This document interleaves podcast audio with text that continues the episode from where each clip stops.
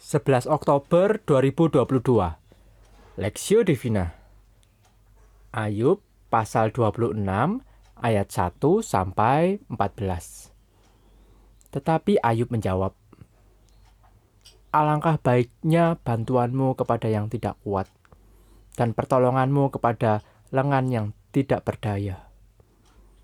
Alangkah baiknya nasihatmu kepada orang yang tidak mempunyai hikmat dan pengertian yang kau ajarkan dengan limpahnya. Atas anjuran siapakah engkau mengucapkan perkataan-perkataan itu, dan gagasan siapakah yang kau nyatakan? Roh-roh di bawah menggeletar, demikian juga air dan penghuninya. Dunia orang mati terbuka di hadapan Allah. Tempat kebinasaan pun tidak ada tutupnya. Allah membentangkan utara di atas kekosongan dan menggantungkan bumi pada kehampaan. Ia membungkus air di dalam awannya, namun awan itu tidak robek.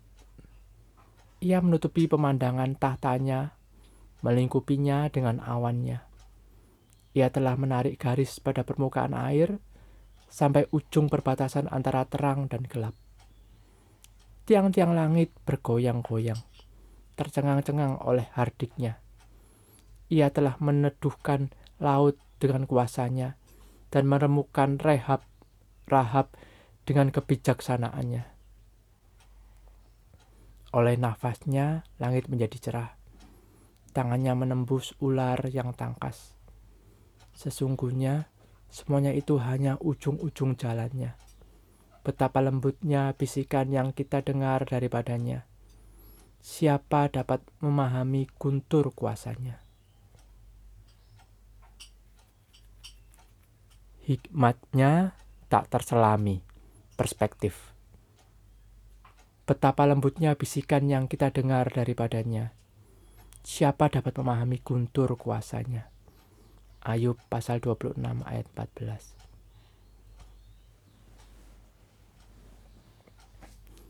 Dari segala penderitaan yang dialami Ayub, ujung paling tinggi adalah menghadapi anjuran nasihat dan desakan ketiga sahabatnya yang begitu menekan jiwa Ayub. Kata-kata dan respon-respon Elifas, Bildad, dan Sofar tidak memberikan penghiburan, sehingga Ayub dengan keras mengatakan mereka sebagai penghibur sialan. Ayub pasal 16 ayat 2. Dalam putaran ketiga, Bildad tidak lagi menyerang untuk membuktikan Ayub bersalah. Dalam Ayub 25, dinyatakan bahwa Bildad memberi ceramah tentang kuasa dan kebesaran Allah dan dilanjutkan tentang keadilan Allah. Pada akhir ceramah, Bildad mengatakan bahwa tidak ada manusia yang benar, semua manusia berdosa, seperti bernaga dan ulat. Tetapi ceramah Bildad tidak memberi penghiburan dan ketenangan bagi Ayub.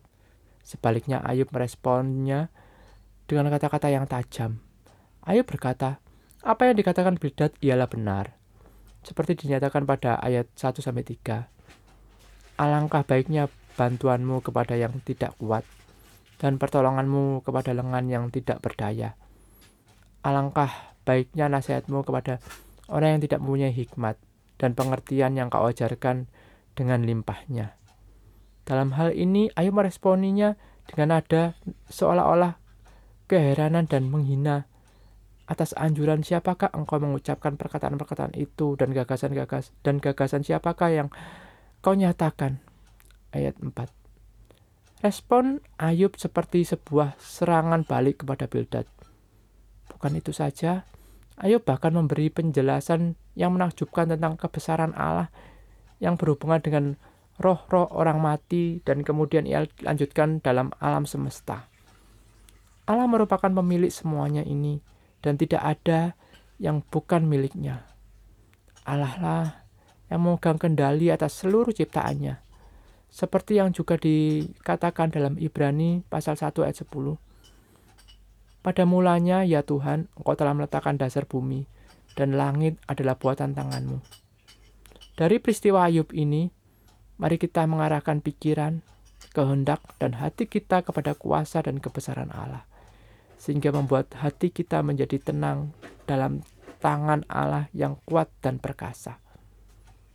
studi pribadi, bagaimana cara agar kita selalu mengarahkan pikiran, hati, dan kehendak kita kepada Allah yang berkuasa dalam kehidupan kita ketika kita menghadapi kesulitan.